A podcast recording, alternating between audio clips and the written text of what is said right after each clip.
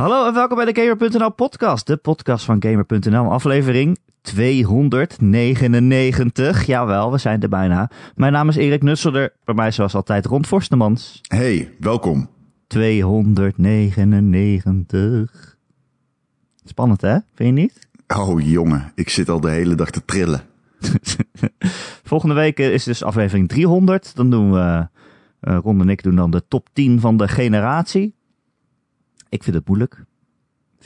Uh, zeker omdat er ook nog een bepaalde game is waarvan ik denk, ik heb hem, die is nu net uit. Ik heb hem niet genoeg, genoeg gespeeld nog om hem een plekje goed te kunnen geven. En die game is Hades. Uh, daar gaan we het veel over hebben vandaag. Dus we hebben ook nog iemand uitgenodigd die er ook verslaafd aan is. Dat is onze vriend en collega Marcel Vroegrijk. Ja, hallo. Ik, ik wou gelijk een Hades gezellig grap maken, zodat jij hem niet meer kan doen. Ah, die is leuk. Ja, ja. Hey, die is, hey, die is leuk. leuk. nou, hebben ze allemaal gehad in alle talen en uitspraken. Mm, Goed zo, schat Erik niet. ik weet niet of dit een compliment is of een belediging. Het was geen compliment. Hoe is het Marcel? Fijn dat je kan podcasten trouwens, want je zit midden in een Hades run, begreep ik. Ja, klopt. Ik heb hem onderbroken, dus uh, als ik doodga is het jullie schuld. Daar komt het op neer. En het is ja. zeker niet mijn schuld in ieder geval. Nee, nee, nee, want je bent nu helemaal uit de flow natuurlijk. Ja, ja dat is heel belangrijk. Ja. Uh, nee, ik heb inderdaad even de tijd genomen om uh, over Hades te praten. En uh, dat, dat doe ik graag. als ik niet naar Hades gameplay kijk of die documentaire van NoClip die er ook is. Dus ik zit ook helemaal in, in die game de laatste dagen. Ja, nou we gaan het er zo meteen uitgebreid over hebben. Maar laten we eerst nog wat ander belangrijk nieuws doen. Want uh, ja, het was natuurlijk een week met veel nieuws. We hebben al een uh, extra podcast gemaakt, mocht je dat gemist hebben, over uh, de aankoop van Bethesda door Microsoft. dat gebeurde, deden we vlak nadat het nieuws bekend was geworden. Maar ik denk het grootste nieuws van deze week ja, gaat over mij. ik heb waarschijnlijk geen PlayStation 5 bij de launch, jongens. Ik heb oh. zo mijn best gedaan om goed te pre-orderen. Ik probeer ik echt mijn lachen in te houden nu. In april een pre-order geplaatst. Ik heb een heel arrogante column geschreven over. Oh, je moet er wel op tijd bij zijn, anders schrijf je mis. Ik heb het nu al gedaan, hier zijn mijn bonnetjes. En uh, ja, het is, ik was gewoon toch, april was toch te laat. ik dacht, wie is nou zo gek om dat te doen? Maar kennelijk, ik kreeg ook allemaal tweets van mensen die in januari al bij de netgame stonden om uh, 50 euro te overhandigen. Ja. ja. Ja, ja ik heb wat uh, retailers gesproken van het weekend. Een paar postjes gemaakt erover op uh, mijn uh, Twitter. Volg mij op Twitter, het Ron en uh, nee, en uh, ja, dat was best wel schokkend allemaal wat ik hoorde. Dus, ja, er zijn niet zoveel cons consoles, hè Ron? Er zijn niet zoveel consoles. Sterker nog, er zijn zo weinig consoles dat bij vrijwel iedere retailer intern een soort van een rep en roer was toen ze de aantallen doorkregen van Sony. Ik weet dat een Coolblue dit is allemaal info die niet online te vinden is, maar die ik gewoon weet uit derde hand. Dat de Coolblue uh, duizend all digital PlayStations heeft en duizend disc PlayStations. Ja. Uh, verdeeld over de filialen die ze dus eh, zeg maar hebben in Amsterdam bijvoorbeeld, in Eindhoven, Rotterdam Den Haag. En uh, online. En dat was zo weinig, dat was nog minder dan de Switch. Dat ze hebben gezegd, nou, we gaan niet eens beginnen aan pre-orders. Uh, je, je kan gewoon de dag kopen. Nee, dat kan dus niet. Ja, dat is genoeg voor één minuut, zeg maar. Ja, ja, precies. Ik sprak retailers die zeiden, ja, wij gaan op dit moment de... Ik, uh, zo grappig, ik kwam net op, ik was al heel lang bezig met dit stuk, of al heel lang. Ik was al twee weken eigenlijk gewoon, gewoon, ik ken wat mensen in de industrie. Dus ik gewoon bellen, bellen, bellen. En ik ken wat retailers. Dus bellen, bellen, bellen. En appen. En uh, via via op de laatste dag, net voordat ik het eigenlijk uh, wilde tikken voor uh, Gamer, kwam eigenlijk nog iemand vanuit, die, die wij allebei kennen, Erik. Mm. Maar niet vanuit de industrie. Die, die, kwam met iemand aanzetten en toen heb ik die nog gesproken. En toen viel eigenlijk alles als een van puzzel samen. Maar het was wel, het is wel best wel raar om te zien dat Sony en ook eigenlijk Microsoft dan toch, want Sony's pre-order uh, gebeuren was een zooitje. Was echt een zooitje. De, en toen zei ik nog van, ik denk dat dit bij Microsoft beter gaat. Maar als je dan in de US kijkt, is het bij Microsoft ook echt, ging voor geen meter. was één grote chaos. Dus het lijkt er gewoon op dat niemand het goed kan doen. Dit soort dingen. Wat best wel een drama lijkt te moeten worden of zo. Ja, maar de, Ehm. de vraag is dan heel hoog, denk ik, of zo. Want Sony Ja. zegt van, we hebben meer consoles gemaakt dan toen bij de launch van de PlayStation 4. Eh, ja, dat zijn er dan nog steeds te weinig, dat blijkbaar. Ja, ze worden in ieder geval anders verdeeld. Mediamarkt heeft bijvoorbeeld... ehm, ik heb hem zelf ook bij de Mediamarkt besteld. En ik heb 500 euro afgetikt. En vervolgens spreek ik iemand in de Mediamarkt. En die zegt tegen mij... Ja, gast, eh, wij weten helemaal niet wie ze gaat krijgen. Ik zeg, hoezo niet? Ik heb toch 500 euro betaald? Hij zegt, ja, maar ik weet dat niemand hier weet of jij hem gaat krijgen. Ja. Want de winkels, zij hebben allemaal, zeg maar, een lijst bijgehouden van mensen. Die hebben ze op een gegeven moment allemaal afzonderlijk van elkaar afgekapt. Gewoon gezegd van, oké, nou nu- hier stoppen we nu. Ja, En niemand had eigenlijk enig idee hoeveel pre-orders ze nou precies konden aannemen. Dus het is een soort van, ja, gewoon natte vingerwerk geweest. En vervolgens online hadden ze niet echt rekening gehouden met het aantal dat ze kreeg, waarmee ik niet bekend ben. Dus ze zijn op een gegeven moment gewoon, hebben ze gezegd, oh, het zijn er nou wel heel erg veel, nu stoppen we. ja. Dus in de komende weken krijgt iedereen die bij de Mediamarkt zijn pre-order geplaatst heeft, te horen of ze daadwerkelijk een pre-order krijgen. Anders dan bij bol.com, die gewoon weer stel, we krijgen er 5000. Here we go. Ja. daar ben jij toch, Fictief Marcel? aantal. Ja, klopt. Ik, ehm, ik heb hem uiteindelijk gewoon via bol.com eh, besteld. En dat eh, heeft me wel eh, ehm, slapeloze nachten gekost. Ehm, eigenlijk de weken daarvoor al. Dat ik dacht, ik voel, er hing iets in de lucht. Ja. Ik heb er ook een column over geschreven. Dat ik dacht, het kan... Sony zei dat ze het van tevoren gingen aankondigen, maar toen kwamen er tegenstrijdige berichten van... hey, misschien begint het morgen toch al. En ik dacht, oké, maar moet ik Sony vertrouwen? Want als ik dat doe, dan grijp ik hem mogelijk naast. Eh, dus toen ging ik echt vol in stressmodus van... oké, ik moet het gewoon bijhouden. Eh, wat lastig is, want je kunt niet twee weken lang... 24 uur per dag checken of er pre-orders zijn gestart. Ehm, maar uiteindelijk was ik er bij bol.com wel bij. En eh, ik heb een mailtje. eh, er staat dat het eh, gereserveerd is voor mij. Dus ik ga ervan vanuit dat het gewoon goed komt. Ja. Maar ja, dat is, ja, Bob.com is natuurlijk ook gewoon één plek. En die heeft niet allemaal winkels verdeeld Nee. over het land. En allemaal Nee, verschillende zeker. plekken waar je kan Dat reserveren. scheelt wel echt, ja. En die wisten, we krijgen er zoveel duizend en daarna is het stop. Wat ook een raar systeem is, vind ik. Als je afzonderlijke vestigingen lijsten laat maken die je niet met elkaar checkt. En dan Ja. ze vervolgens bij elkaar voegt en denkt... Oepsie, we hebben er 12.000. Ja, ik weet dus niet of ze bij elkaar gevoegd zijn. Ik denk dat het meer zo was. Misschien hadden ze wel een aantal gekregen van 500. Maar vervolgens ga je dan digitaal ook nog de pre-order starten. En dan moet dan afgestemd zijn op de lokale lijsten. Maar weet je hoeveel filialen er wel niet zijn? En die zijn ook er is allemaal, want al die Mediamarkt-filialen zijn semi-onafhankelijk, zeg maar. Eh, de- dat zijn eigen vestigingen. Dat is anders dan bij de HEMA, waar je gewoon een strikt protocol zit. Eh Mediamarkt kunnen lokale deals doen en zo. Die zijn afhankelijk. Mediamarkt-filialen kunnen ook zeggen van... eh, oh, je kunt hem hier eh, bij de buurman voor 2 euro minder kopen. Oké, dan kun je hem bij ons nu ook voor 2 euro minder kopen. Dus dat, de Mediamarkt is een soort van eigen beestje. Die, die, die fungeren heel anders dan normale ketens van winkels. Maar ook daar intern veel kritiek. Dus als je dit breder trekt, want ik was dus eigenlijk met een ander verhaal bezig. Maar wa- waar ik dus achter kwam is dat heel veel kleine retailers, met name kleine retailers, die anoniem blijven, die zijn allemaal bijna boos op Sony. En dat is iets dat speelt blijkbaar al jaren. En dat komt omdat Sony's grootste importeur, ehm een van de grote importeurs in het land, maar de grootste overal is Micromedia. En Micromedia, zei ze. Dus ik ga er maar vanuit dat het Micromedia is. Eh, dat marge op games bij Sony rond de 40 cent ligt. En dan gaat het dan gewoon om third-party Sony titels. Eh, en bij Microsoft, Nintendo en third parties en zo is dat 6 euro. Nou, dat is een verschil van bijna 1500 procent. Ja, maar voor 40 Eh, cent kan je toch niet leven, joh? Nee, en zij zeggen dus ook, wij worden er gewoon al jaren uit onderhandeld. En, wij, en dat komt omdat wij een onbelangrijke markt zijn. Nou, dat beeld leeft dus, dat wordt doorgetrokken nu naar de PlayStation 5. De Sony levert weinig PlayStation 5's aan Nederland. Dat is op zich niet zo verrassend, kleine markt.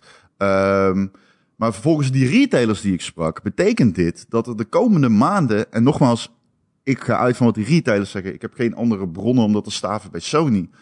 Ehm, is dat zij zeggen van, dat betekent dat er de komende maanden geen PlayStation 5 consoles komen. Uh, de, ik, ik koppelde de hele tijd van, ja, maar Sony zegt, er, komen er, nog, er komt een nieuwe badge voor maart. Er komt een nieuwe badge voor maart.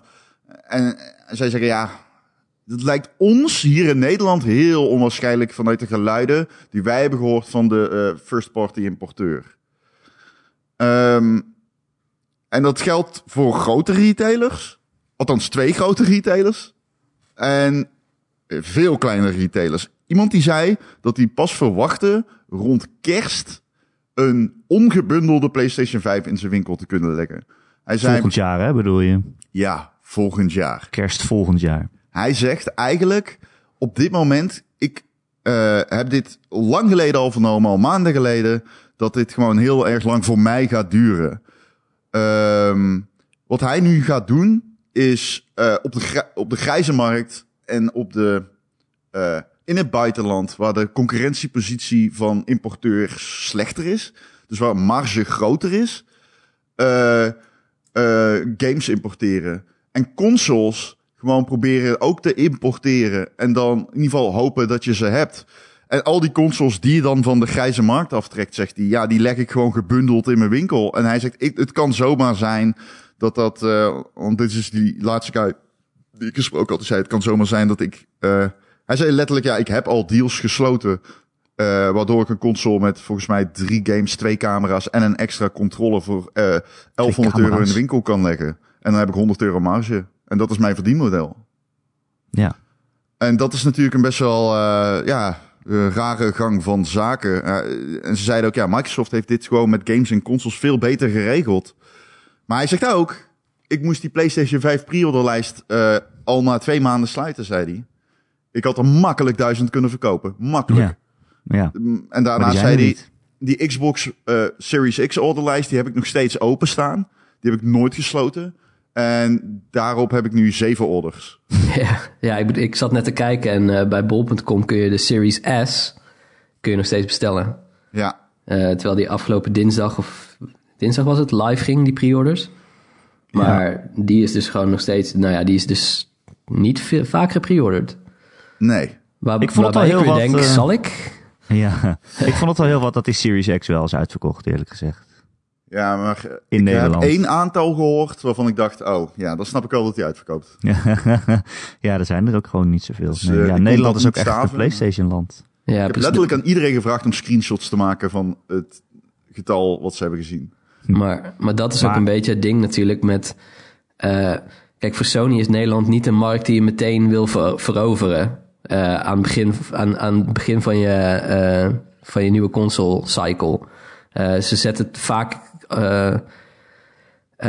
verspreiden ze zeg maar hun aantallen echt over de regio's waarbij ze denken, ja, hier is een concurrentiestrijd en deze willen we winnen. Um, en Nederland, ja, zelfs als zo Sony zeg maar gewoon een lege doos in de winkels leggen waarbij je staat van, nou ja, op een gegeven moment krijg je een PS5, zou dat waarschijnlijk nog beter verkopen dan de Series X. Uh, want ja, het is absurd wat het uh, marktaandeel van Sony is vergeleken met Microsoft hier in Nederland. Ja. En dat is gewoon, ja, dan, dan snap ik wel dat je als Sony denkt, ja, gaan we aan het begin echt ons echt heel veel exemplaren naar Nederland sturen? Of zeggen we, nou, tegen de tijd dat de, de vraag zeg maar een beetje minder roodgloeiend is, uh, dat we dan zeggen, oké, okay, nu hebben we wat, wat aantallen over, nu is het gestabiliseerd. Oké, okay. Nu krijgt Nederland weer een, uh, een badge, zeg maar. Ja, maar ja, en voor Microsoft... ja.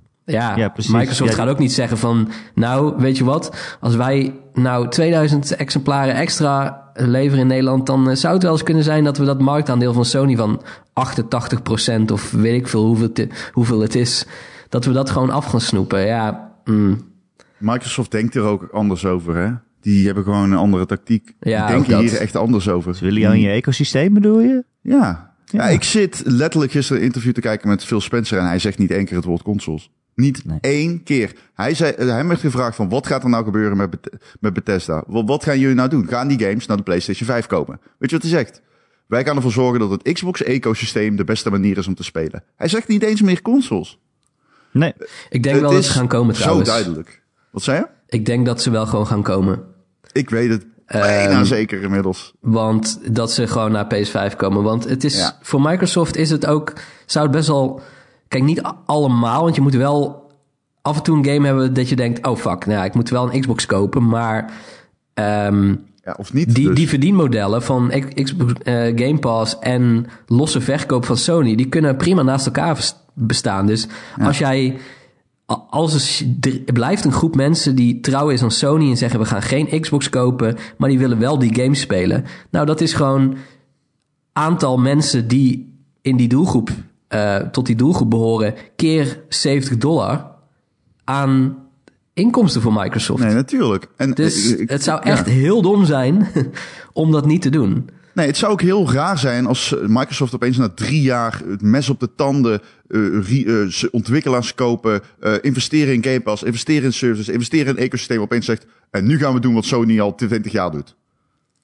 Ja. Het gaat gewoon niet Ja, gebeuren. maar ja. En Maar ja, Nee, je- het gaat gewoon niet gebeuren. Ja, maar als jij zegt eh, Elder Scrolls is alleen op Game Pass eh, of alleen op Xbox of ja, dan Ja, trekt twee je toch wel meer mensen naar Xbox. Ja, maar sowieso waarom- wordt het tijdelijk. eh, ik denk sowieso wel een tijdelijke Ja, exclusief. dat- Maar, maar Dat denk ik wel, Game ja. Pass is al een super belachelijk eh, voor aantrekkelijke propositie.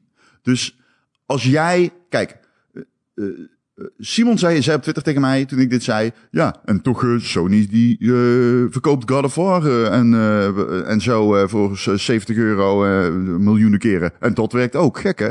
Ja, nee, dit, allicht is dat niet gek. Dat zijn twee verschillende manieren om je games aan de man te brengen. Hm. Microsoft wil gewoon dat jij voor de rest van je leven 15 dollar aftikt. Ja.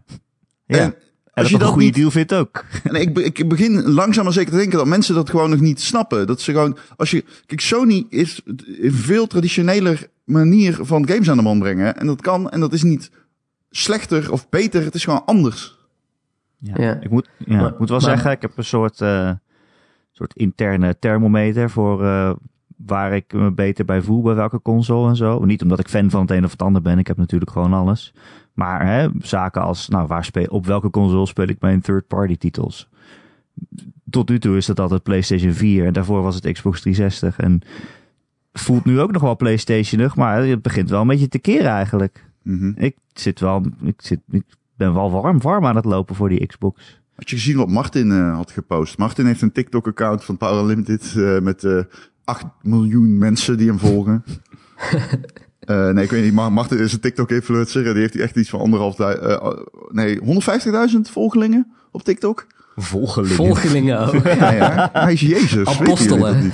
Hij is Jezus. Ehm, eh, volgers, pardon. En eh, een paar maanden geleden was het 91% wilde een eh, Xbox. Eh, PlayStation, pardon, 9% Xbox. En dat zijn allemaal kiddo's, hè? Ja. En nu was dat 83 volgens mij. Dus Ja. dat is Nou toch een kleine verschuiving. het schuift toch wel een beetje, ja. Ja, maar ik denk ook, weet je, de volgende generatie gaat helemaal draaien om gebruiksgemak. Eh, dat, ik denk eigenlijk dat dat het belangrijkste wordt. Ze Ja, hebben het al over die supersnelle SSD gehad. Geen laadtijden meer. Supersnel wisselen tussen games en zo.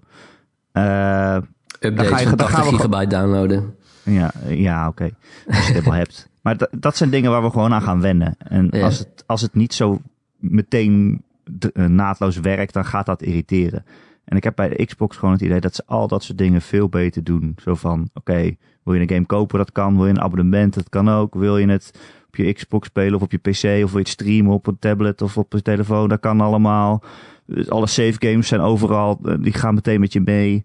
En PlayStation zit nu allemaal moves te maken dat ik denk, ja, dat is, dat is nou precies hoe dat dan niet werkt. Ook bijvoorbeeld over Spider-Man, eh, Miles Morales is Ja. best wel gedoe geweest eh, deze week. Ja. Je kan Spider-Man Miles Morales kopen voor 50 euro op je PlayStation 4 of op je PlayStation 5. Je kan het voor 70 euro de Ultimate Edition kopen. Dan krijg je Spider-Man Remastered erbij. Je kan je PlayStation 4 versie van de gewone Spider-Man op de PlayStation 5 spelen. Maar dat is dan niet de remastered versie. Nee. Als je de PS4 van Miles Morales hebt gekocht, kan je die op de PS5 spelen. Maar voor 20 euro kan je die dan upgraden. En dan krijg je de remastered versie wel. Maar je kan niet je save games van de gewone Spider-Man in de remastered Spider-Man stoppen. En je kan ook niet de Spider-Man Remastered gewoon loskopen. Ik, was ik moet eerlijk zeggen, je hebt dit allemaal goed uitgelegd waarschijnlijk. Uh, voor mij was het één grote woordenbrei waarvan ik niet wist waar ik naar aan het luisteren was. Maar, dat heb ik ook bij Microsoft hoor. Als iemand aan mij vraagt wat is het verschil tussen de X en S, dan zeg ik uh, uh, 1440p.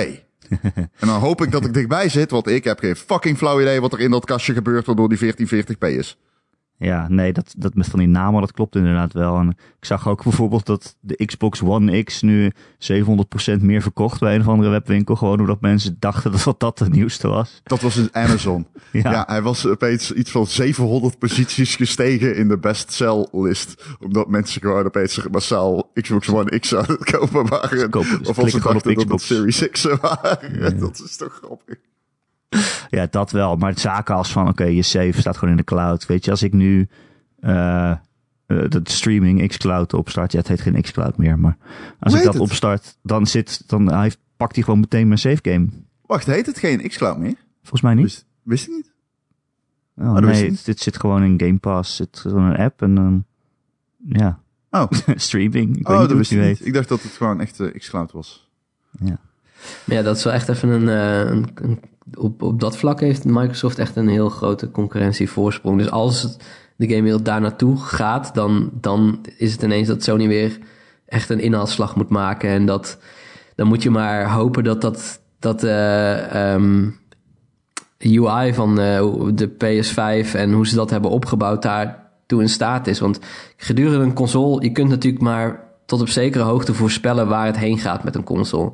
Net zoals met de PS3, die is in zijn levensloop, en in de Xbox 360 ook, zijn die heel erg veel veranderd. Um, met inderdaad de opkomst van uh, de digitale, gewoon indie games überhaupt. Uh, Dat je ineens veel meer dingen digitaal ging kopen, et cetera. Nou, zag je dat dat met de PS4 en de Xbox One was daar al veel meer op ingesteld. Um, maar bij heel veel van dat soort zaken is het een beetje houtje touwtje. Omdat het dan via een firmware update gebeurt. Waarvan je denkt van ja, deze console is hier eigenlijk niet op gemaakt. Dus het is er eigenlijk bovenop gebouwd. En dat gaat niet per se. Um, komt dat ten goede uh, aan de prestaties van de console. En, en hoe soepel het allemaal loopt. Um, dus ja, Microsoft is overduidelijk, zeg maar, die zet er al vanaf het begin op in. Uh, en als het daar naartoe gaat, dan ja, het zit gewoon ingebouwd in, in de, de hele console van, van Microsoft. En in hun omringende diensten. En bij Sony, ja, nog niet echt. Um, en dan is het maar de vraag van, hey, kan Sony dat op tijd, zeg maar... Ik bedoel, kijk, een bedrijf hoeft niet altijd de eerste te zijn om succesvol te zijn. Vaak niet, juist. Um, als jij vervolgens zegt van, oh, dat wat zij doen is interessant, wij kopiëren het uh, maar wij zijn marktleider, dan zie je vaak dat die persoon, die, dat bedrijf uiteindelijk alsnog, zeg maar, uh, met de spreekwoordelijke winsten vandoor gaat. Um, maar ja, ik, ik zie dat bij Sony eigenlijk niet gebeuren deze generatie, dat ze echt helemaal naar dat model toe gaan. Nee. Laten we eerlijk um, zijn, Sony is op dat vlak een. Oké, okay, dit moet ik anders zeggen, misschien met een stok achter de deur. Van wat ik weet, is Sony niet zo'n bedrijf ook. Nee. Sony werkt niet zo. Uh, Sony is een redelijk statisch vanuit Japan aangestuurd uh, bedrijf. Dat is gesplitst in divisies. Waarbij bijna iedere divisie in Japan uh, zeg maar gecoördineerd wordt. En Microsoft is iets flexibeler. Kijk, Microsoft is geen Apple of Google waarschijnlijk in hipheid of iets dergelijks. Of staat zo niet te boeken. Maar hm. ik vind Microsoft wel um, hoe moet ik dat zeggen? Dit is, geen, dit is niet zozeer een gevoelsding, maar ze hebben voor mij, denk ik, meer bewezen dat ze heel erg agressief, dat ze een agressieve push durven te maken. En dat deden ze ook al met de Xbox 360 en dat deden ze ook al met de oorspronkelijke Xbox überhaupt de markt te betreden. Ik heb altijd het idee bij Xbox dat ze niet zozeer weten wat ze doen, misschien, maar dat ze wel het aandurven om het te doen. Gesteund door een belachelijke hoeveelheid liquide middelen. Ja, dat, dat, wil, dat moeten we wel even benadrukken. Dat je kunt alleen zo agressief zijn als je echt gewoon een hele diepe buidel hebt. En dan, ga je, dan, dan kom je bij disruptive eh, tech uit. Als in die gigantische techbedrijven uit Silicon Valley. Die gewoon het kunnen veroorloven door te zeggen: we pompen hier 50 miljard in om de hele markt zeg maar te, te ehm, hoe zeg je dat? Te ja, disrupten, verstoren. Uh, hopelijk op een manier dat wij als winnende partij uh, er bovenop uh, eindigen. en dan hebben we de markt zo veranderd dat wij de enige zijn die nog mee kunnen komen. Um, en dat, ja. dat, ja, dat kan Microsoft doen. En Sony is wat dat betreft natuurlijk ook een gigantisch bedrijf, maar echt een veel kleiner. Um, eigenlijk is Sony de indie in dit geval, als je het vergelijkt met Microsoft. Nou, Sony ja. had een jaaroms, fiscale jaaromzet van 144 miljard. Uh, dat, uh, dat is uh, volgens... Nee, nee, ik zeg het fout. Volgens mij zeg ik het fout. Nee, nee, nee, nee. Microsoft had een fiscale jaaromzet van, van 144 miljard. Met 49 miljoen winst. Miljard, miljard, ja. miljard winst. Um, ja, dan zou ik ook je Bethesda wel, kopen. Ja. Dan kun je wel 7,5 miljard uitgeven aan Bethesda. Ik bedoel, niet makkelijk, maar het kan. En dat is denk ik ook wel een beetje het ding hier. Uh, Sony komt ook uit een andere... Die hebben een andere kom af. Kijk, Microsoft was altijd al een liquide bedrijf. Er is een interview met Phil Spencer en uh, Todd Howard. En uh, Larry Herb van Major, Major Nelson van Xbox. En uh, zij zeggen ook van, ja, toen wij de markt opgingen, toen wij met de eerste Xbox de markt opgingen, hadden wij geen flauw idee wat we aan het doen waren. wij waren een PC-bedrijf. Ja. En, en, ze zeiden ook, de mensen bij Bethesda hebben ons toen een beetje wegwijs gemaakt op consoles.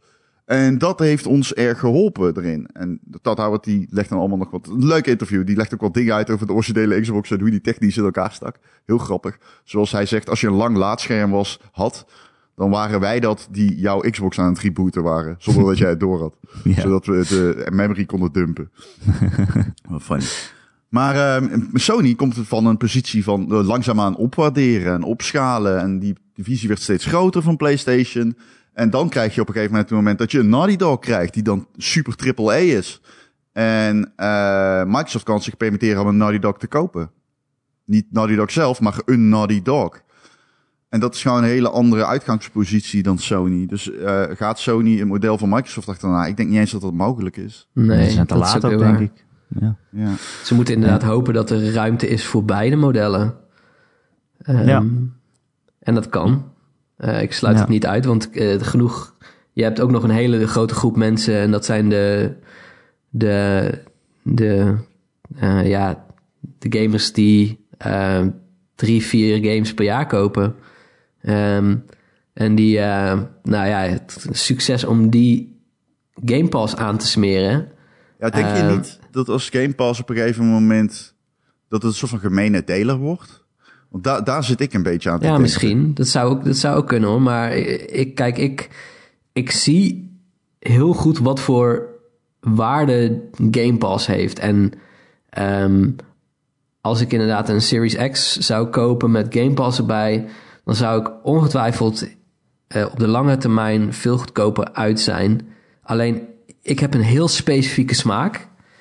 en het aanbod van Sony sluit over het algemeen beter aan bij mijn smaak. Uh, dus voor mij heeft het niet zo heel veel zin om een Series X te kopen voor Game nee. Pass. Omdat het aanbod bij Game Pass, dan denk ik, ja, maar ik ben geen gamer die denkt, oh, laat ik deze game eens proberen. Als die mij niet aanspreekt, dan speel ik hem niet. Nee, uh, maar goed. en dan heeft het voor mij niet zoveel zin, want dan betaal ik gewoon een abonnement voor iets wat ik niet gebruik. Maar je hoeft... En daar heb ik er al genoeg van. Kijk, en dat is ook iets, dat, dat is ook iets wat op zich, iemand maakte al punt tegen mij toen ik zei van ja, maar er zijn genoeg mensen die dat niet willen. En die zei ja, dan sluit je toch niet, dan annuleer je toch? Ja. Ja, en true. toen dacht ik, oh shit, je hebt natuurlijk gewoon gelijk. Als ik Doom Eternal wil spelen, kan ik gewoon mijn Game Pass starten. Ja. 15 euro betalen en dan meteen cancelen. En dan heb ik Doom Eternal voor 15 euro een maand lang. Ja, ja, ja dat ben je ik... wel kwijt natuurlijk. Ja, dat is het wel met Game Pass. Als je abonnement verloopt, ik... dan ben je het kwijt. Ja, dan ben je het kwijt. Maar ik bedoel ook, je hebt het dan wel gehad. Ja. En wil je 60 euro betalen voor een game die je nooit meer gaat spelen of 15? ja. Ik dat is in principe ook nog een argument natuurlijk. Uh, ik ben ook niet iemand die games nog een keer speelt heel vaak. Dus nee, voor heel veel games is Game Pass top. Als je weet dat je die multiplayer niet gaat spelen, heb je het Doom Eternal multiplayer, ga ik nooit meer aanraken. Ik ga die game zeker nog een keer uitspelen overigens. En ik heb hem ook. Maar er zijn genoeg mensen die dat niet gaan doen. En dan is 15 euro een mooi bedrag voor een maand. Zeker. Ja, precies. Um, weet je wat, tot slot hè. Ik, je ziet wel aan Sony, vind ik, dat zij moeite hebben om de goede houding te vinden om dit helemaal weg te kunnen counteren. Ik vond die aankondiging van, oh, hier heb je 10 PlayStation 4 games gratis bij je PlayStation 5. Heel erg zo van, kijk, wij kunnen dit ook. Alleen, dan denk ik ook weer, ja, maar ik weet niet, ook weer niet of zo. Het voelde wel heel erg als hun equivalent en niet per se een geslaagde. Ik, ik vond het een slechte stok om mee te slaan, laat ik het zo zeggen. Oh ja, ik zag dat niet als een soort Game Pass concurrent. Ik zag het meer als, nou hier is een cadeautje. Vooral voor als je die digital versie koopt. En je hebt al, dit, dit zijn typische games die je waarschijnlijk op een schijfje hebt. Die kan je dan niet meer backwards compatible spelen, omdat je een digital versie koopt. Nou, hier, zijn, hier heb je er tien. Ik vond dan je er heel eind, zeg maar. overkomen. Ja, ja, nou ja. ja, nou ja, het voelt wel een beetje alsof je bij een grote, weet ik veel wat, keukenconcurrent een, een, een halve badkamer uh, zeg maar gratis krijgt. En dan bij de lokale uh, loodgieter om de hoek zegt hij, nou hier heb je een boterkoek. um, zo van, dat kan, dat, ja, zo van, we kunnen dit niet matchen in de zin van, wij hebben die, die deals niet die Microsoft maakt met partijen van, zeg maar, ja, op de schaal die nodig is om, zeg maar, een Game Pass van de grond te krijgen. Dat heeft Sony niet. Um, en dat gaat, dat gaat ook niet lukken uh, met, met, de huidige, met hun huidige strategie. Um, nee. Dus in die zin snap ik wel dat het inderdaad een beetje karig voelt dat je denkt, oh ja, oké, okay, maar ja, ik zit in het Sony, het Sony-ecosysteem, als, als, het, als het bestaat, is die exclusives kopen. Dus ja, de kans is zo, al heel groot dat je ze al gewoon hebt. Um, ja, precies, dus ja. dat is het ook, denk ik. Ja. Maar, het is op zich ja. ook geen slechte deal of zo. Maar nee, absoluut niet. Het is een cadeautje. Een, een beetje ja. matige tegemoetkoming. Het voelt voor mij gewoon in zijn algeheel alsof Sony weer terugkeert naar de, de arrogante Sony die ze zeg maar eind PlayStation 2 waren toen de PlayStation 3 uitkwam het voelt alsof we nu aan het begin zitten daarvan. Weet je, ook met dingen als ze zeggen van ja, wij geloven in generaties. En de PlayStation 5 exclusives, die maken we zo dat ze niet op een PlayStation 4 kunnen draaien. Ze zijn echt super cool. Maar, dat je maar, dan Spider-Man hebt en Horizon en, uh, en uh, Sackboy. En uh, dat die toch gewoon op een PlayStation 4 uitkomen. Maar is dat arrogant? Of is dat het enige dat ze hebben? Maar ze, ze communiceren dat gewoon op een arrogante manier, vind ik. Zo van, ze doen arrogant van, ja, wij zijn de beste. En dan stiekem in een, in een persbericht achteraf zo van, oh nee, nee, het is toch niet heel cool. Ja, ik, ik weet niet, ja. Het, ik, die, die manier van communicatie is uiteraard verre van uh, ideaal. Um, want het verstoort ook de boodschap die je wilt overbrengen naar, naar klanten. Um, maar arrogant, ja. Het, het, als, je het in het, als je als referentiekader, zeg maar, Microsoft hebt, dan voelt het arrogant. Maar Microsoft is inderdaad echt bezig met disruptive bezig zijn. Met we gaan dit bestaande bedrijfsmodel gaan wij dusdanig verstoren in de hoop dat wij zeg maar een andere markt kunnen gaan aanboren waarbij mensen ons gewoon maandelijks geld geven. Um, en daarin is Microsoft natuurlijk heel erg aan het paaien van hey, kijk eens wat voor zieke value wij bieden. Uh, ja. En dat deed Netflix aan het begin ook. Netflix was ook zo van dat je echt dacht van ja, ik moet Netflix hebben, want er komt zoveel uit. Um, maar ja, als je nu Netflix is inmiddels, is het niet meer de disruptor. Het is nu de, uh, de, de kolos, zeg maar. Um, ja. de, de absolute marktleider. En je ziet dat daar bij een heel andere strategie komt kijken van... oh, we gaan de abonnementenprijzen verhogen. Uh, deze series, ja, die cancelen, want uh, daar kijkt toch geen hond naar... of geen nieuwe hond. Um, en dat is een heel andere, heel andere toon. En dat reken maar dat Microsoft op het moment dat dat lukt met Game Pass, dat die waarde van Game Pass ook minder gaat worden uh, naarmate je langer zeg maar klant bent. Ja, of vooral uh, de prijs hoger. Ja, maar in ieder geval gaan ze niet meer zo uh, zoveel cadeautjes geven. want op een gegeven moment is nee. het wel dat de aandeelhouders zeggen van hey, um, we willen dit wel, zeg maar, de winst hiervan maximaliseren. En uh, dat gaan we niet doen door mensen steeds maar gewoon gratis meer, nog meer shit te geven zonder dat zij meer gaan betalen. Ja, um, ja nou ja, dus het afgelopen uh, half jaar geloof ik uh, zijn er 50% meer Game Pass gebruikers bijgekomen. Van 10 naar 15 miljoen. Dus het groeit best snel. dat zegt er ook wel weer wat. Dat ik zeker, ben heel benieuwd hoe het op de schoolpleintjes gaat zijn. Ik uh, vraag me echt af, man, hoe lang het duurt voordat één kiddo zegt van... eh, ja, ik speel deze en, de, en deze game, eh, weet ik veel, gewoon eh, nu via Game Pass voor 15 euro. En dat hij alles kan spelen en de rest. En weet je, ik ben heel benieuwd hoe dit traject, deze generatie, het is zo ironisch, want wij roepen dit al maanden of zo. Dat, maar dan, toen was het de hele tijd een soort van lichte voorspelling. En nu is het alsof het allemaal voor je ogen weer eh, gestalte krijgt. En het echt gewoon heel concreet plaats aan het vinden is. En niet meer een soort van deduceren en analyseren is. Maar dat het gewoon echt aan het gebeuren is. En dat je die twee partijen echt steeds verder uit elkaar ziet drijven, Sony en Microsoft. Ik ben heel benieuwd hoe het uh, zowel Wat- voor die jonge ja. als oude doelgroep gaat zijn. En uh, hoe dat, uh, hoe dat die, die segmentatie wordt. Want ik denk ook dat dat werkt op schoolpleintjes inderdaad, zoals jij het zegt. Als iedereen, als je ziet van, oké, als we Game Pass hebben, dan hebben we allemaal dezelfde spellen en dan kunnen we die allemaal samen spelen. En dan zegt één iemand, uh, die zegt, uh, ja, dat is dus de strategie van Microsoft, dat we allemaal in hetzelfde ecosysteem zitten. Ja, precies. en die Eh, krijgt dan is- een klap op zijn smoel. ja, die krijgt inderdaad een, een, Omdat- een schep in zijn, uh, in zijn Omdat het een pedante lul is gewoon, ja. Eh, er is één ding wat Game Pass niet heeft, jongens. En dat is Hades. Eh, als je ons eh, volgt in de Discord van de Ron en Erik Discord. Of via onze Twitch kanalen. Of als Of je ons gewoon op op straat tegenkomt. kijkt. Of Ja. kijkt. Als je ons op straat tegenkomt, dan weet je, we zijn een beetje de ban van Hades. Ehm, als je het nog niet van had gehoord, het is die roguelike game, of eigenlijk roguelite game van Supergiant Games, die hiervoor eh, Transistor onder, onder andere gemaakt hebben en Bastion.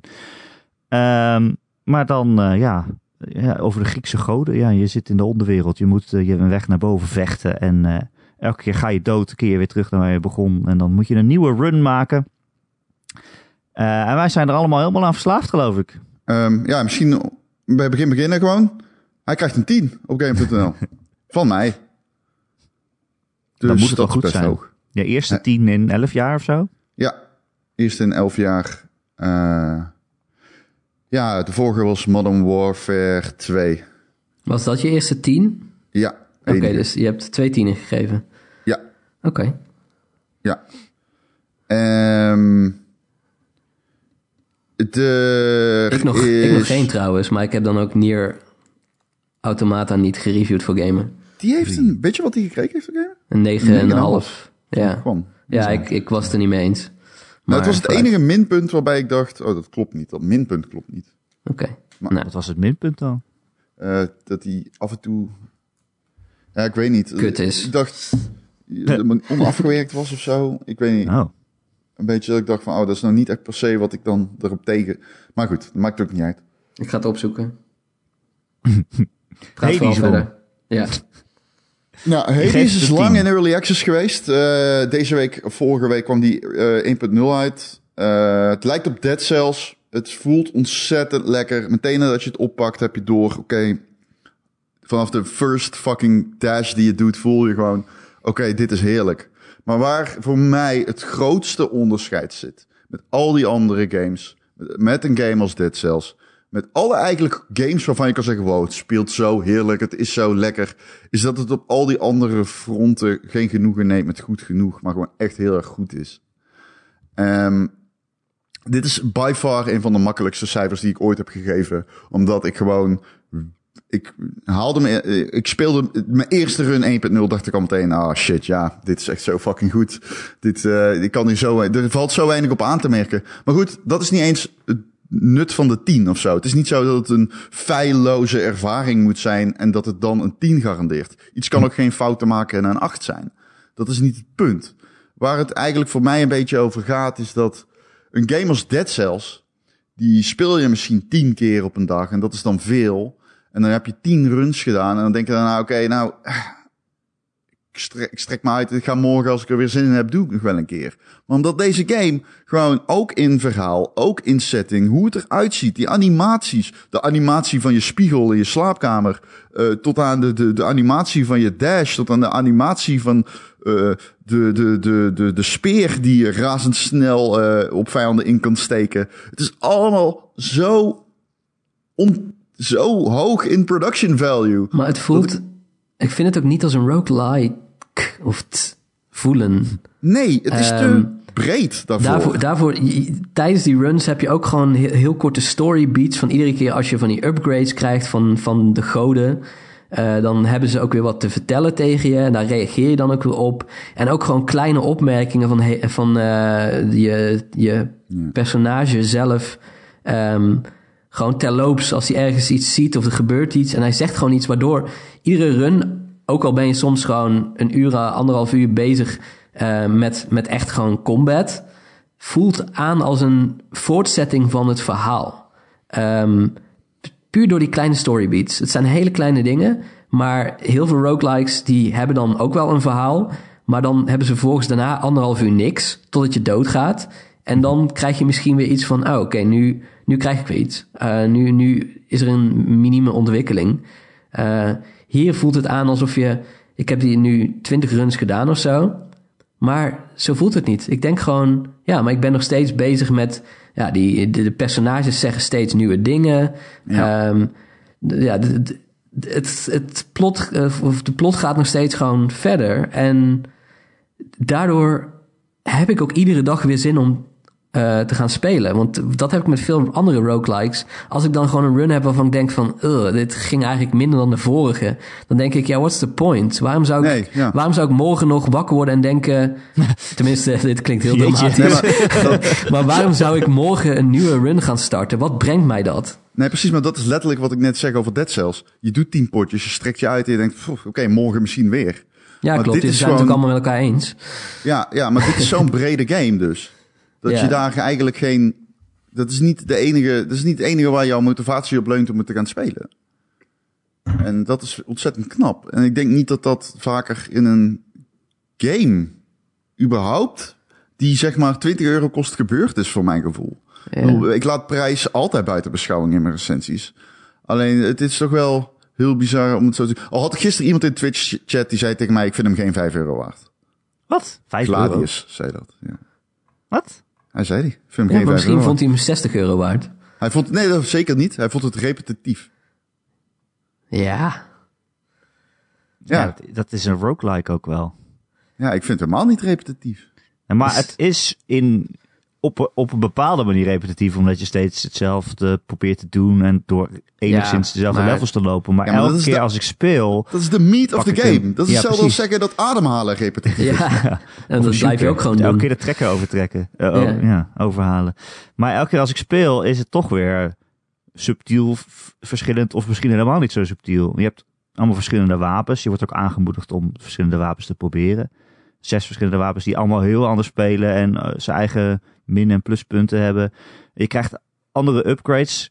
Waardoor je soort van een, in een andere beeld geduwd wordt. Daar ook meer over na moet denken. En soms heb je een gewone aanval die super sterk is. En soms is je special ineens heel goed. Of je dash. Of je, eh, ja, je kan nog allemaal andere dingen krijgen. Hm. Dus je speelt het ook heel anders elke keer. En ik had het op een gegeven moment ook. Ja, ik heb pas negen runs gedaan of zo. Maar ik weet van mezelf, oké, zoiets als Dead Cells, daar ga ik even heel hard op. En daarna denk ik, ik kom nu elke keer tot de eindbaas. Maar voordat ik die kan oefenen, moet ik eerst een uur lang de rest van de run spelen. En daar heb ik geen zin meer in. Eh, en net toen ik daarover aan het nadenken was bij Hades, toen kwam ik bij de, aan het eind van de eerste baas, of of aan het eind van de eerste level kom je een baas tegen en denk je, oké, nou dan ga ik die weer op dezelfde manier verslaan. Maar die deed gewoon ineens allemaal andere moves. Ja, het was een andere baas. Ja, dat je denkt, eh hey, wacht, wacht even, ik kan niet gewoon mindless door het eerste level heen. Eh, zoals ik dat al een paar keer gedaan heb. Ik, ik moet echt opletten en het is weer helemaal anders ineens. Ja. ja. Dus ja, in de essentie is het repetitief, maar dat is bijna elke game kan je dan terugbrengen tot iets repetitiefs. Maar ja, het is wel zo, het zijn maar vier levels, maar even tussen aanhalingstekens. Totdat je bij het einde bent, denk ik. Maar ja, ik weet ook niet wat er gebeurt als je het einde hebt gehaald. Dan zal het Niet, ook wel eh, weer. Ik begrijp dat het dan toch wel ook wel weer de moeite blijft lonen om opnieuw te beginnen steeds. Nou ja, kijk, dat is het ding. Ik heb hem nu al eh, een paar keer uitgespeeld. En ik ben nog steeds, zit helemaal in het verhaal nog steeds. Ja, dat is het leuke ook. Het verhaal blijft maar do- doorgaan. Elke keer als je doodgaat. Kijk, bij Dead Cells denk ik dan... Kut, ik ben dood, ik moet weer helemaal opnieuw beginnen. En bij Hades denk ik... Yes, ik ben dood. Ik kom weer aan het begin terecht. Waar Ja. je weer met iedereen kan praten. Die echt... Ik vind dat zo bizar. Die allemaal contextgevoelige eh, dialogen hebben. De eerste guy met wie je praat, die heeft meestal geeft die commentaar op de vijand die jou heeft doodgemaakt. Zo van, oh, ben je nou alweer door, de, door het boogmannetje doodgeschoten? Eh, pech, pech voor jou. Uh, je moet met je vader praten. Hades dan natuurlijk. Uh, die heeft allemaal snarky commentaar op hoe slecht je bent. Ja, heel snedig. Uh, ja, het, en er komen dan weer nieuwe personages bij. En je, je bent er natuurlijk ook... Ja, je hebt heel veel permanente upgrades, waardoor je gewoon permanent sterker wordt. Ja. Waardoor de runs ook weer iets makkelijker worden misschien. Ja, ik bedoel, ik heb net vrijgespeeld dat ik meer health heb, altijd. Mm -hmm. En dan denk ik, wauw, dat is eigenlijk best wel sick. ik ben echt gewoon, het topje van de ijsberg. Ik kan gewoon twee keer zo lang overleven ineens. Dat is echt het topje van de ijsberg. Ja, I know, maar dat, dat is al iets waarvan ik denk, oké, okay, dat ga ik nu ineens veel beter worden, toch? Ja, ja. Ja. Ja. ja, zo is het. Ja, ik zit, uh, ik, wat, ik heb een paar keer uitgespeeld. Uh, ik ga niks spoilen, maar ik ga wel zeggen, je, de, de game uh, motiveert je daarna heel erg om uh, hetzelfde op een ander niveau te gaan doen. En dat is heel erg leuk, moet ik zeggen. Want je hebt nog steeds story. En ik was een Q&A aan het lezen op Reddit. Uh, uh, vanwege onze member Recreator, onder andere op Discord, die altijd uh, Hades hoog in het vaandel had staan en propagandeerde dat ik er moest gaan spelen.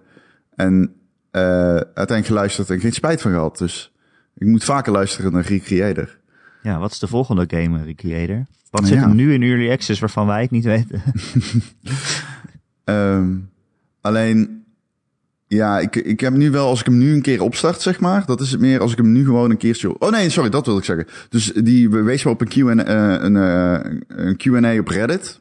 Of heet dat geen Q&A, Ask Me Anything, AMA. Ja.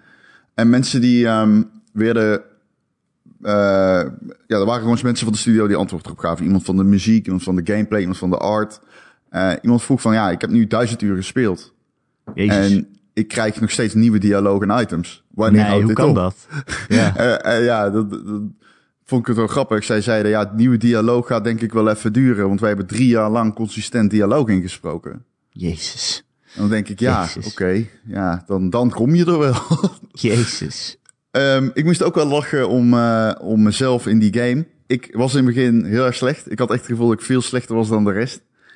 En nu ben ik echt savage. Ik kom iedere run die ik doe bij de eindbaas. Maar dat komt ook omdat je krijgt op een gegeven moment permanente upgrades. Die uh, helemaal veranderen hoe jij de game speelt. um, oh jee. Op een manier die best wel leuk is. En de game gaat je echt naderhand echt... Uh, dat heb je misschien nu nog niet door.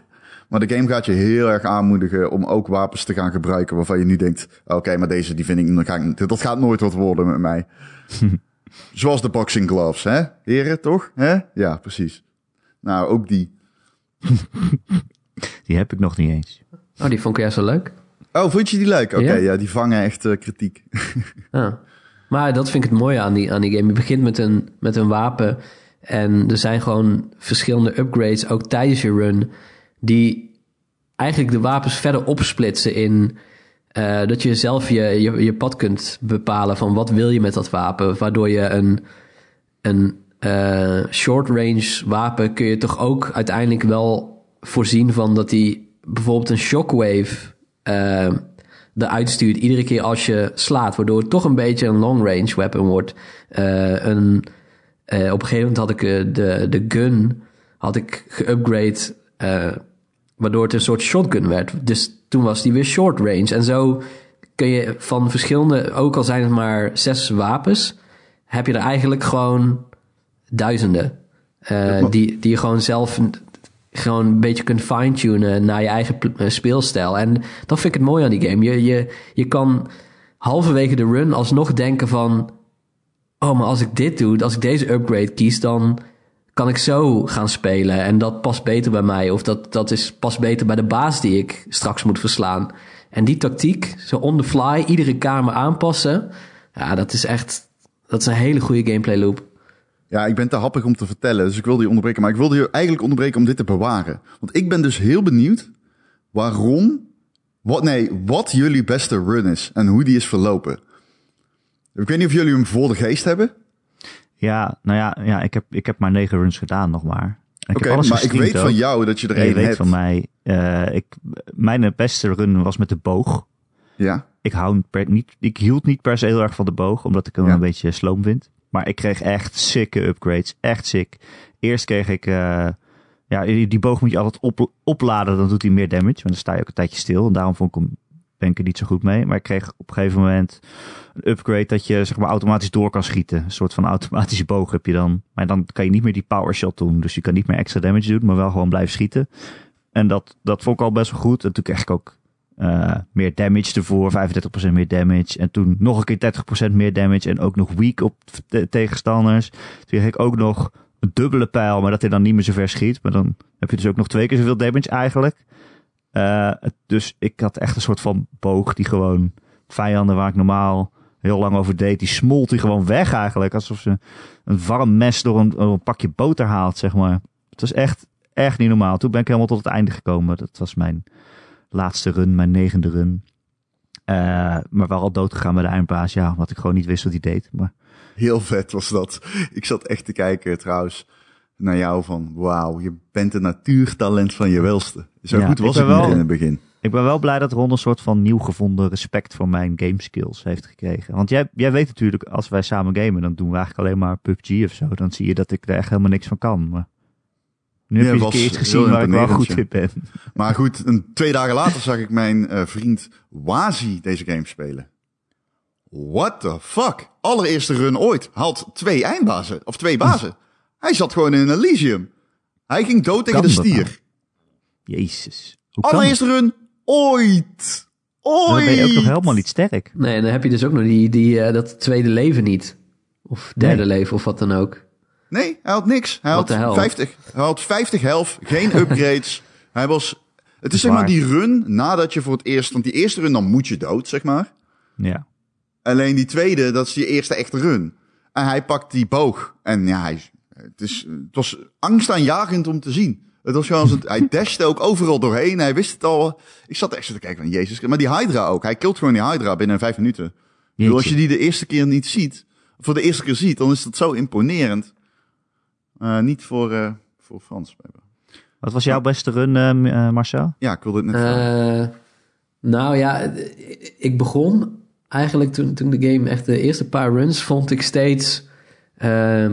Ehm, op een gegeven moment heb je zo'n modifier dat je je maximum health gaat flink omlaag.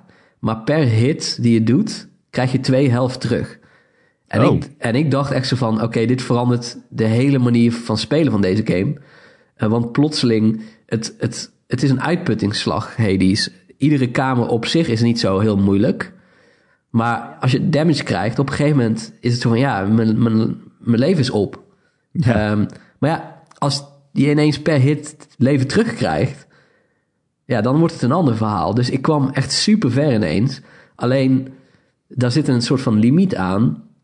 Want je hebt dus echt een sterk verlaagde maximum health. En op een gegeven moment gaan vijanden, en zeker bazen, die doen mhm. gewoon rustig 20, 30 damage per hit. Ja, als jij maar 60 leven hebt, dan kun je dat niet meer inhalen met hits. En dan moet je ze 30 keer raken tussendoor, zonder zelf geraakt te worden. Ja, dat gaat niet meer. Um, en sindsdien is eigenlijk mijn beste run. Op een gegeven moment had ik een upgrade. En die zorgde ervoor dat mijn... Uh, je hebt zo'n special meter, waarmee je dan echt uh, van die... Um, ja, calls kunt doen. Ja. En dan roep je eigenlijk een soort van uh, de goden op, toch? I guess, ja. soort van. Ja, ja een goddelijke kracht of zo. Ja. Uh, en ik had een upgrade gevonden die ervoor zorgde dat je hebt vier van die uh, balkjes in die meter. En die bracht uh, die, het aantal terug naar één balkje. Maar die laden automatisch op. Oh, die heb ik ook gezien. En die, die was heel fijn, want dat zorgde ervoor dat ik in bossfights gewoon ah. weg kon dashen. En tegen de tijd uh, dat ik zeg maar klaar was voor een volgende aanval, had ik weer een, een, een balkje voor die, uh, voor die speciale aanval. En zo kon ik het een beetje, ja, een beetje, het voelde een beetje aan als cheesen, omdat ik dacht iedere keer wegdashen, wachten tot het metertje vol is en dan gewoon weer die attack doen. Um, maar ja, uiteindelijk heb ik het daar ook niet mee gered. wel, wel echt bijna hoor, maar Maar het mooie Ah. daarvan is dan, dan denk je dus van, oh shit, ik ga nooit zo ver komen zonder deze upgrade. Maar dat is nooit Ja. zo. Want dan, ga je, dan kies je een ander wapen en dan denk je, ja, ik ga dit wapen kiezen. eh, ga ik gewoon even een, een run doen om wat upgrade materiaal te verzamelen. Maar dan vind je toch weer een, een item of wat dan ook dat je denkt, hey, dit gaat eigenlijk best wel lekker nu. en, dan, en dan kom je ineens toch weer bij de eindbaas. Had jij, want sorry, maar ik zag die upgrade ook staan. Ja. Maar als die dan een vierde van de normale balk heeft, betekent dat dat als die vol is, dat je dan je ultimate eh, kan doen, zeg maar? Dat je die ultieme vorm nee, van die nee, kalk nee, kan doen? nee. Je kunt alleen maar de, de beperkte vorm doen. Oké. Maar hij chargt heel snel. Oké, oké. Want je hebt dus ook nog bovenop de automatische... eh, dat die automatisch charge, heb je dus ook nog de normale charge als je je aanvalt. Gaat hij dus ook, loopt hij dus ook vol. En dat is best wel, eh, best wel bizar. Gaat het, hard gaat het dan. En als je dan een goede call hebt die je eh, tijdelijk eh, onschendbaar maakt... Ja, dan ben je gewoon de helft van de tijd ben je überhaupt niet te raken voor de baas. Nee. Maar, Ja, Nou. leuk spel. Ja, zeker. Ze zijn allemaal in de banden wel een beetje ervan, kan ik toch wel Ja. zeggen. Ik ga wel nog even mijn game. favoriete run vertellen als je niet Oh ja, ja nee, vertel. Eh, want die was gisteren op Twitch. Dus als je even naar mijn Twitch gaat, Ronnie V-Man met Y, dan kun je hem daar zien. Ik moet er wel bij zeggen, eh, dit is mijn favoriete run. Dit is mijn snelste run die ik ooit heb gedaan. Maar ik speel hem wel uit. Eh, dus er zitten Spoilers. spoilers, in. Ehm, alleen, ik, het is de eerste keer dat ik hem op deze save uitspeel. Want ik speel hem op de PC. Dus als je, als je niet heel erg vatbaar daarvoor bent, eh, het is de eerste keer. Of mocht je hem de eerste keer hebben uitgespeeld en een andere speelstijl zien. Dit is mijn eerste keer uitspelen op die save. Dus je ziet verder niet heel veel. Eh, ik had hem in de 26 minuten uitgespeeld, overigens. Zo. 26 minuten game time. Game, in game time dan. En ehm eh, het vette daaraan was, ik speelde met de speer. Dat is mijn favoriete wapen. Die, eh, ik ga dan altijd voor Hermes, de god, de upgrades. ehm, want die zet in op snelheid. En ik had dus een snellere slagsnelheid. Ehm, maar wat ik ook had was een, eh, een Poseidon upgrade. En dit is dus iets wat ik heb ontdekt tijdens die run van Frans. Poseidon heeft een geweldige dash. Wat, wat Poseidon doet, is als je, als je zijn dash upgrade pakt, dan doet hij damage op het moment dat je ergens aanbelandt met je dash, maar hij knockt enemies ook away. En als je een knock-away damage doet, dan sla je vijanden tegen muren aan. En dan doe je weer extra damage. Daarna vond ik een Poseidon upgrade, die ervoor zorgde dat mijn knock, mijn, dam, mijn, enemies die knock- knock-away zijn tegen muren, eh, dat zij weer 100 damage doen. En daarna kreeg ik een upgrade. Dat iedereen die eh knocked away is, die krijgt ook nog eens rupture damage. Dus dat is damage over time.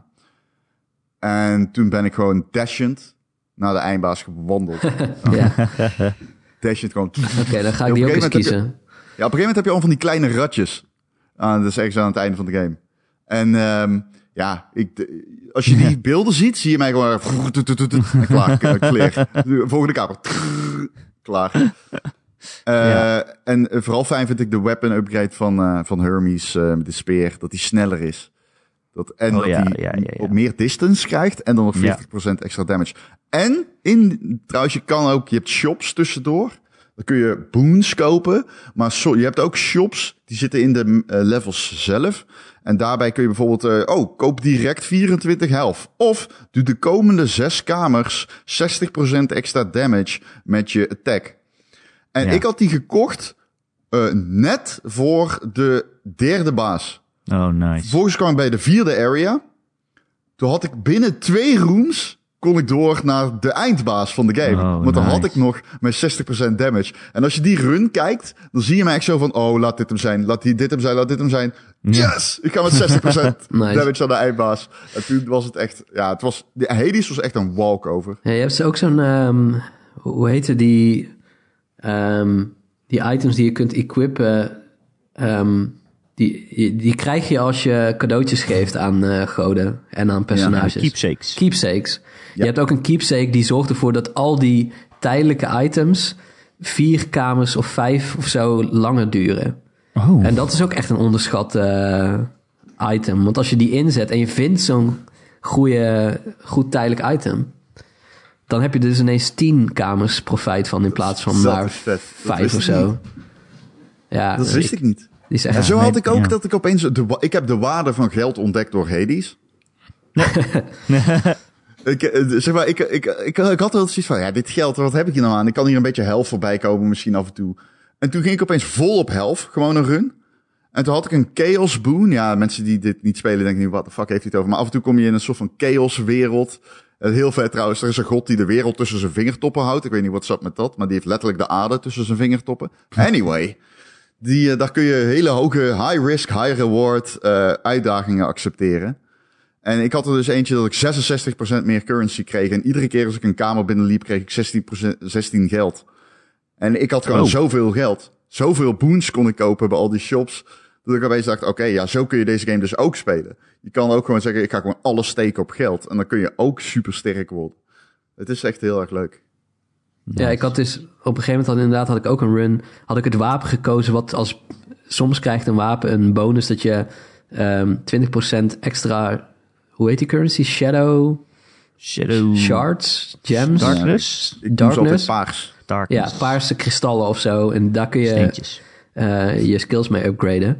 Maar ik, je hebt dus ook een skill en die zegt eh, dat je een percentage aan helft terugkrijgt voor iedere eh, aantal shadow gems die je vindt. Ehm, Oh. en toen had ik dus mijn hele run gebaseerd op dat ik extra gems ging verzamelen. en op een gegeven moment kreeg ik dus gewoon pl- plus 150% eh, aan gems.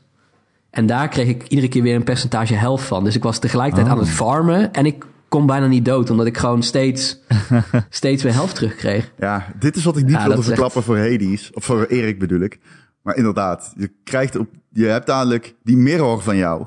Die is veel, zelfs al zou je al die sleuteltjes doen, dan nog zijn het veel meer skills dan je denkt nu. Ja, maar dat En die game zit- blijft sowieso dingen ontvouwen. Ik heb ook gewoon nu collectibles waarvan ik nog steeds niet weet wat ze doen.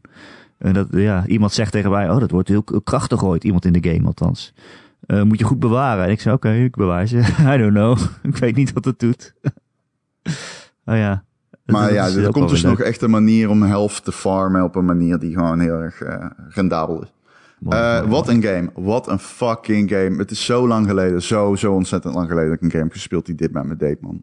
Holy shit. Ik vind hem zo goed. Ik vind hem Ik echt moet ook goed. zeggen, ik zie heel veel eh, eh, artikelen online van eh 10 tips om Hades te spelen. En dit is wat je allemaal niet weet. En dit is waar alles voor dient en zo. Lees dat vooral niet. Het is juist leuk om. Ja. Ik vind, het, dus ik vind het juist leuk om niet te weten wat al die dingen doen. En dan vind je een nieuw soort steentjes. En dan denk je, eh, wat moet ik hier dan mee? En dan Ja. kom je weer terug in de hub. En dan zegt iemand, nou eh, ja, hier kan je steentjes uitgeven. Ja. ja, gewoon al dat soort dingen. Ja, er zijn nog heel veel meer dingen die ik niet weet ook gewoon nog steeds. En inderdaad, je blijft nieuwe skills vrijspelen. En nieuwe upgrade paden en weet ik veel wat. Nieuwe wapens. Het is ook gewoon leuk om dat zelf te ontdekken. Het is, eh, ik heb ook niks opgezocht. Nee. Nee, het is, eh, het is een. eh, ik, ik, ik raad hem ook echt gewoon iedereen aan. Maakt me niet uit of je alleen Call of Duty of FIFA speelt. Dit is zo vet. Hm. Het- ja, het is Ja. ook echt. Laat het hele roguelike en roguelite en al die termen, die zijn zo zwaar. En dat komt allemaal met een soort van beeld en verwachtingspatroon. Over jij die continu hetzelfde kamertje aan het- is allemaal niet. Laat gewoon varen. Het is, eh, ga een keer blind ervan uit dat het gewoon echt een heel erg goede game is. Durf het aan. Het is echt eh, zeer de moeite waard. Het is zeer, zeer, zeer de moeite waard. Eh, voordat we zo afsluiten, Marcel. jij als. Ik geloof dat. Marcel iets aan het... is Marcel iets aan het verhuizen of zo? Ja, nee, mijn mijn vriendin is eh, in het rommelhok aan het rommelen. Oh, Oké, dat moet gebeuren. Ja. moet gebeuren. Je moet rommelen. Let Daarom. a woman rommel. Eh, jij, jij staat natuurlijk bekend als groot Nier-fan. Ja. Nier, Nier de serie. Er was eh, nieuws deze week, want er was Tokyo Game Show, een Nier-stream. Volgens mij heette die iets van, we hebben een soort van misschien nieuwsstream of zo. Ja, die heet eh, A Decent Amount of New Inform... A Decent Amount of Information Ja. heette het. nou, dat hebben Was het een decent amount? Was ja, het, eh, zeker. De- ze hebben... ehm, ja, er komt een mobile game uit van, eh van Nier. Nou, vind ik dat niet zo heel boeiend, want dat is echt zo'n eh, zo'n gacha game. Dus echt gewoon heel erg, ja, gestoeld op ehm, ja, heel veel gems die je verzamelen... die je ongetwijfeld met echt geld kunt kopen ook, et cetera. Maar komt dus ook een remaster aan van de eerste Nier. Die, komt, die kwam oorspronkelijk uit in 2010. Um, en nou hadden ze al bekendgemaakt dat ze bijvoorbeeld... Uh, er zit heel veel tekst in die game die helemaal niet uitgesproken wordt. Dat zijn gewoon tekstbubbles die je dan ziet. Ze hadden ze al aangekondigd dat, dat alle tekst uh, in de remake ingesproken gaat zijn. Um, of de remaster. En ze lieten dus ook gameplay zien voor het eerst. En daaruit bleek dus voor het eerst dat ze eigenlijk ook gewoon... Het, het is een soort halve remake geworden. In plaats van dat het echt... Oh. Het is geen... Het is niet gewoon betere resolutie, uh, et cetera. Maar ze nemen muziek opnieuw op. Uh, en ze hebben het combat systeem aangepast. Wat ik heel goed vind. Want er zijn natuurlijk heel veel mensen die zijn pas ingestapt bij Nier uh, Automata. Um, ja, ehm, zoals ik. Ja, zoals bijna iedereen, denk ik wel. Ja, en die heeft natuurlijk de combat van Platinum Games. En ja, die is vrij soepel. En als je dan terug moet naar die eerste Nier, dan denk je, oef, dit, uh, dit is niet best. Uh, maar ze hebben het dus echt uh, aangepast, zodat je... Het vechten ziet er veel soepeler uit. En je hebt ook allerlei magic attacks. En in de eerste, in de oorspronkelijke versie kon je die niet doen terwijl je aan het aanvallen was. Dan moest je ze echt apart uh, selecteren en dan casten. En dat was best wel traag. En nu hebben ze het gewoon gecombineerd. Dat je ze gewoon, je kunt aanvallen en dan meteen een magic attack doen. En dat kan allemaal door elkaar. Uh, en het ziet er echt veel beter uit. Uh, dus ik ben, uh, ben heel hyped daarvoor. Ik heb ook twee dagen geleden een special edition van 150 euro gepreorderd. Jeetje. want daar zitten dan weer twee soundtrack cd's bij die ik moet hebben.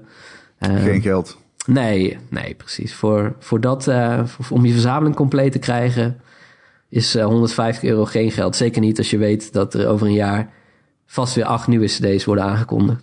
Ja. ja. ja. Hij komt in april uit, toch? ja, uh, twee, 21 april geloof ik in. Nee, 22 april in Japan. En dan 23ste in Europa. Ja, ik ben wel heel benieuwd. Ik bedoel, jij, jij weet natuurlijk hoe het verhaal van die eerste Nier gaat. Ja. Ik weet dat Nier Automata het verhaal mij allemaal wegblies. Dus ik ben eigenlijk wel benieuwd. Het uh, kan zich zeker meten met, uh, met Nier Automata. Uh, en zo mogelijk is... Ja, ik, ik weet niet. Ik vind het misschien zelfs beter. Oh, oh nee. Maar ik moet er wel bij zeggen dat zeg maar, ze een heleboel dingen gestroomlijnd um, hebben. Um, in Automata, niet alleen qua gameplay, maar ook qua... Ja, die games zijn bedoeld om meerdere keren door te spelen, omdat er dan nieuwe dingen gebeuren. En die remaster, of die, die oorspronkelijke Nier, die heeft wel echt... Ja, je moet die game minimaal drie keer doorspelen, of vier keer eigenlijk, om echt het einde te zien. En uh, wat je dan qua nieuwe segmenten krijgt, de tweede en derde keer, dat is dan best wel minimaal. Uh, ja. Dus ik ben benieuwd of ze dat ook gaan stroomlijnen voor de remaster. Dat ze zeggen, misschien knippen we er één playthrough tussenuit. En dat je die niet helemaal opnieuw hoeft te doen. Uh, dat ja, zou precies. denk ik wel prettig zijn, want uh, ja, dat is toch wel echt te, te veel gevraagd eigenlijk. Zeker nu. Dat kun je eigenlijk niet maken om dat nu nog te verlangen van mensen. Nee, nee, nee. Nou, ik ben benieuwd. Ja. Weet je waar ook nooit iets tussenuit wordt geknipt? De Gamer.nl podcast. De podcast van Gamer.nl kun je elke maandag downloaden via onze website Gamer.nl. Er staan ook allemaal reviews en previews en nieuws op. Dus het is eigenlijk best wel een leuke website als je geïnteresseerd bent in games. En al het uh, dien omtrent daar. Dat is geen zin. Uh, je kunt je ook gewoon abonneren op allerlei podcast apps en feeds. Dan krijg je onze podcast gewoon automatisch elke week in je telefoon en in je oren. Nou, dat gaat niet automatisch, moet je op play drukken, maar dat is kleine moeite. Uh, het enige wat we daarvoor terugvragen is dat je misschien een keer een review achterlaat op het uh, platform waar je luistert. Bijvoorbeeld uh, Apple Podcasts. Daar kun je dan een aantal sterretjes achterlaten en een tekstje over hoe goed je ons wel niet vindt. heb je een vraag voor de podcast of een opmerking of een onderwerp dat je graag wilt dat een keer behandelen, dan kun je mij mailen erik.gamer.nl erik met een k, gamer.nl uh, en dat heeft de, deze week iemand gedaan. En uh, misschien, ik ga nu de titel van de mail voorlezen. Kunnen jullie gokken waar het over gaat? Ron is mail... een pedante lul. Nou, dat komt bijna. De titel van de mail is Vriend Ron, ook bekend op de basisschool. Uh-oh. Oké. Hoi Erik, deze mail komt van de Renze Slotboom. Hoi Erik, onze dochter heeft vandaag in groep 5 les gehad over Mario die 35 jaar oud is. Dat op zich is al super tof, maar in het lesmateriaal wordt Ron genoemd. Ik dacht, dat ga ik direct aan Erik vertellen. dus nu kan ik mijn dochter legitiem overhoren over de waarheden die opperbaas Ron predikt. Ga zo door met jullie podcast. Jullie vormen een goed team samen. En hij heeft er inderdaad eh, twee plaatjes bij gedaan. Het vak eh, nieuwsbegrip. Daar eh, staat een artikel over Super Mario en Ron wordt daarin gequote. Nou. Het is inderdaad wel basiskennis dat, eh, dat kinderen leren dat Super Mario Sunshine geen goede game is. Dankjewel, Marcel. Hier staat, Ron Forstemans is ook gamejournalist. Hij vertelt, bij de Mario-spellen klopt alles. De werelden zijn koddig. Mario en zijn vriendjes zijn herkenbaar en grappig. En de muziekjes blijven voor altijd in je hoofd zitten. Kinderen vinden dat leuk. maar, maar in de spellen zitten ook moeilijke dingen. Daarom vinden Oh. volwassenen, volwassenen de games ook nog interessant. Oh, en ik heb een vijf. Wat was ik, groep vijf? Groep 5. Groep vijf, ik ik gewoon het woord koddig laten zeggen. Dit is toch leuk? Oh, wat Kinderen leuk. vinden dat vind ik leuk. echt hartverwarmend. Ja, kinderen vinden Oh. dat leuk. Nou, doe je groetjes aan je dochtertje. Ze klinkt als een absolute topper. Topper van een meid. Eh, wil je meer Ron en Erik horen, dan kun je eh, eh, ons steunen via Patreon. Patreon.com slash Ron en Erik. Dan krijg je sowieso twee podcasts in de maand erbij. Eh, en je steunt je, je favoriete podcasters. Die eh, dit ook maar gewoon eh, voor de gezelligheid doen eigenlijk. Hè? Eh, ja, volgende week is dus eh, aflevering 300. Met de top 10 van de generatie. Vind je het nog leuk, Ron, als mensen hun eigen top 10 insturen? Nou, ik begreep van Marcel dat hij daar ook mee bezig was. Ja, ik heb eh, een selectie gemaakt. Ik moet alleen nog even de volgorde bepalen. Oh-oh. Oh ja, dat maar dat is vast in vijf minuten gebeurd. Oh ja, tuurlijk. tuurlijk. Bij mij verandert die op dit moment iedere dag. Het is het eerste wat ik zie als mijn laptop open gaat. En het laatste wat ik doe als ik, als, als ik hem dicht sla. Dus, staat, ehm, staat Hades erin? nee, ik heb, Hades heb ik echt... Mijn huis wordt gedomineerd door Hades. Ik heb het hier puur over mijn laptop. Dat is nog erger, hoeveel Hades ik speel. Ik heb hem dus op de Switch en op de PC. En dan denk ik, dit is echt hoe het gaat. Dan speel ik tot één uur s'nachts Hades.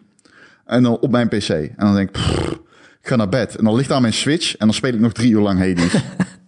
Oké. Ja, vroeger natuurlijk staat hij in je top 10. Ja, dat is eigenlijk eigenlijk bedoelde, maar dit vind ik een mooie Oh, anekdote. sorry. Staat hij in mijn top 10? Nou, dat gaan we zien. Ehm dit is een moeilijke game om in je top 10 te zetten, dat wel.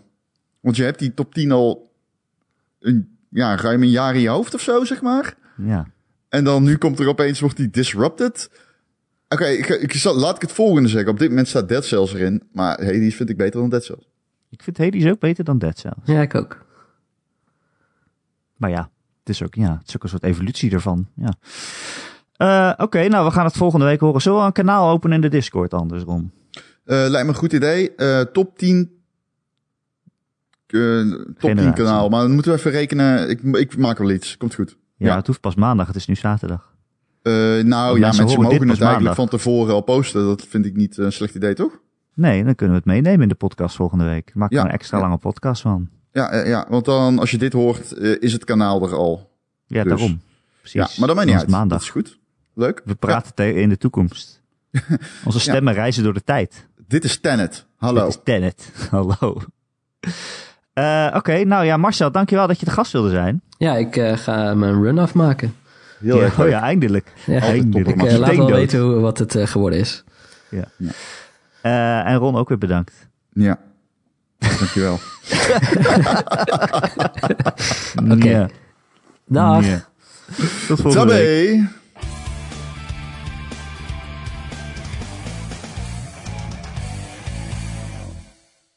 Wafje. Waf, waf, waf, waf.